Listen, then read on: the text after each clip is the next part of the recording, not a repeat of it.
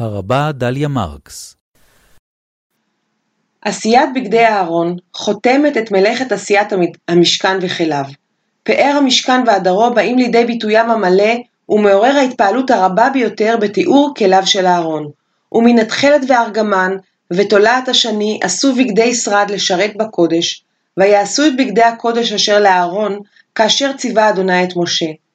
הדר המשכן והדר הכהנים המכהנים בו, ובעיקר זה של אהרון, היו שלובים וקשורים זה בזה.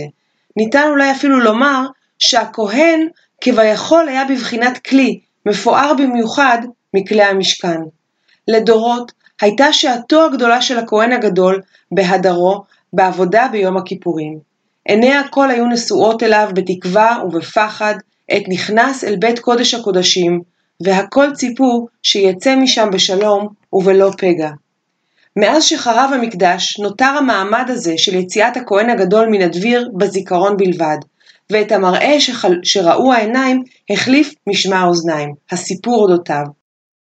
בנוסח האשכנזי מסיים את סדר העבודה אחד הפיוטים האהובים ביותר של יום הכיפורים, מראה כהן.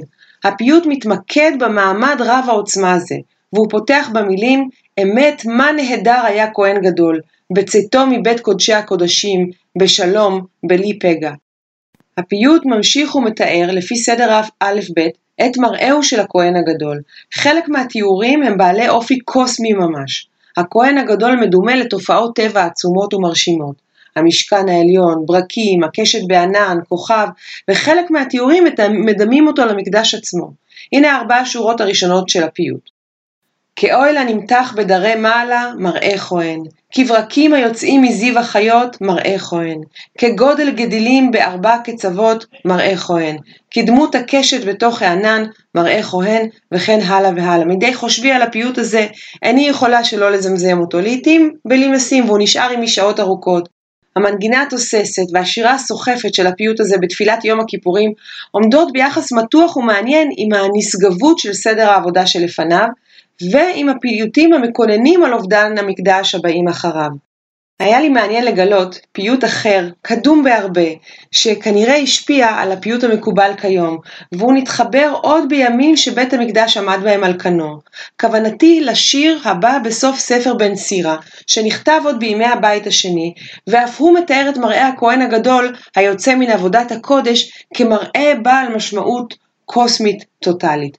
ספר חוכמת בן צירה נכתב בסוף המאה השלישית או בראשית המאה השנייה לפני הספירה המקובלת. הוא לא זכה להיכנס לקנון של כ"ד הספרים המקראיים, אבל הוא מיוחד בכך שחז"ל ציטטו אותו, וניכר היה שהם הכירו אותו היטב.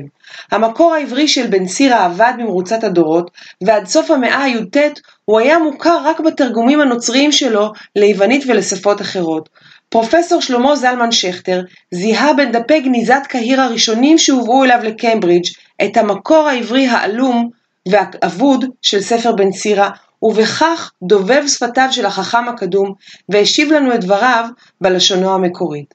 החטיבה האחרונה והגדולה בספר בן סירה היא מה שמכונה שבח אבות עולם, ובה מונה בן סירה את דמויות המופת, מה שהוא מכנה אנשי חסד אבותינו בדורותם, כך בפרק מ"ד, מחנוך, נוח ואברהם ועד צאצאיו של אהרון, ואז מיהושע, השופטים, הנביאים והמלכים, עד דמות מופת מיוחדת בימיו שלו, שאותה הוא מכנה גדול אחיו ותפארת עמו, שמעון בן יוחנן הכהן.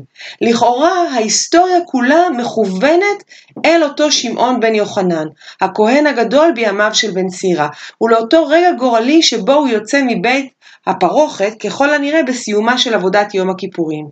וכאן מביא בן סירה שיר יפהפה המתחיל במילים מה נהדר בהשגיחו מאוהל ובצאתו מבית הפרוכת ככוכב אור מבין האבים, וכירח מלא בימי מועד, כשמש משרקת או מסרקת אל היכל מלך, וכחשת נראתה וענן.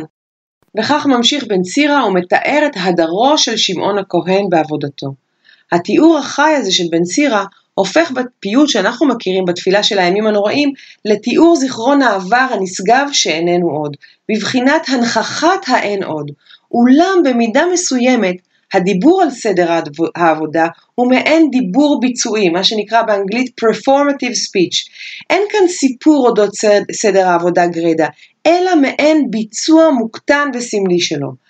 השחזור של מעשה הכהן הגדול ביום הכיפורים מייתר בעיני רבים את הצורך לביצוע ממשי שלו, וממילא גם את הצורך בבנייה ממשית של בית מקדש. הלא גם בהיעדרו של בית המקדש, הוא נוכח בעבודת עמנו.